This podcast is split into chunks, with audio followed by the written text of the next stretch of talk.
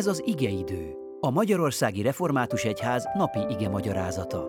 A mai bibliai ige szakaszról Lovász Mártont, a Váli István Református Cigány Szakkollégium lelkipásztorát hallják. Áldás békesség! Istenünk igéjét olvasom Péter második levelének harmadik részéből, a 17. és 18. versekből. Ti tehát, szeretteim, mivel előre tudjátok ezt, vigyázzatok, hogy, azt, hogy az elvetemültek tévejgései el ne sodorjanak, és saját biztos meggyőződéseteket el ne veszítsétek. Inkább növekedjetek a kegyelemben, és a mi Urunk, üdvözítő Jézus Krisztusunk ismeretében. Övé a dicsőség most, és az örökké valóságban. Szeretett testvéreim, ahhoz, hogy megfelelően növekedjen bármi a világon, nagyon fontos, hogy milyen talajban, közegben fejlődik. Régóta tudják ezt a mezőgazdaságban, ezért nagyon sokat fáradoznak azért, hogy a vetés megfelelő minőségű talajba kerüljön. Hiszen ha ez hiányzik, akkor rosszabb esetben egyáltalán nem hajt ki vagy hoz termést, de jobb esetben is csak kevesebbet vagy nem megfelelő minőségűt nem csak a természetben, hanem a saját életünk során is tapasztalhatjuk, mennyire meghatározó, hogy milyen környezet, milyen közeg vesz körül bennünket.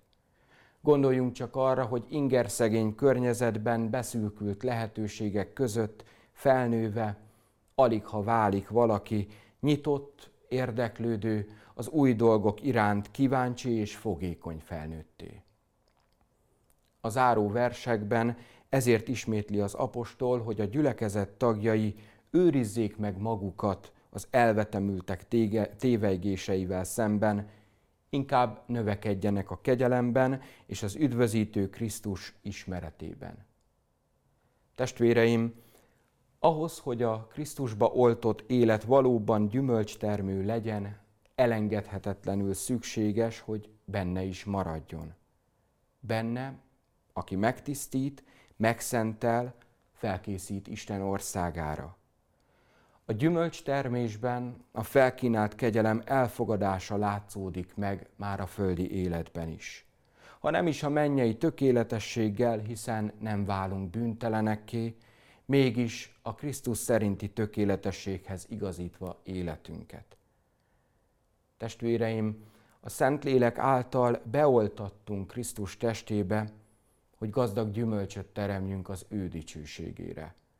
Ha ebből akár külső, akár belső indítatás miatt ki akarjuk magunkat szakítani, akkor nem gyümölcstermő hajtások, hanem terméketlen vadhajtásai leszünk, akik másokat is megfojtanak indáikkal.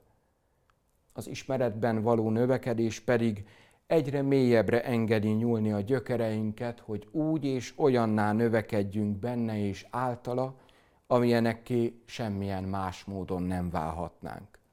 Természetesen nem arra kell gondolni, hogy szempillantás alatt fejlődhetünk így. A küzdelmeinken, harcainkon keresztül erősödünk, válunk kipróbáltakká, szilárdakká. Kell ehhez az idő. Áldás, hogy a mi Urunk szeretete hosszú tűrő. Engedjük testvéreim, hogy megváltó Urunk valami egészen újat kezdjen bennünk ma, és erősödjünk meg az elhívásunkban kegyelme által. Akarjuk megragadni őt a hit bátorságával, hogy fele barátaink számára is áldássá lehessen az életünk. Sugározzuk magunk körül Krisztus dicsőségének fényét, hogy a számunkra és mások számára is megvilágítsa a hozzávezető békesség útját. Amen.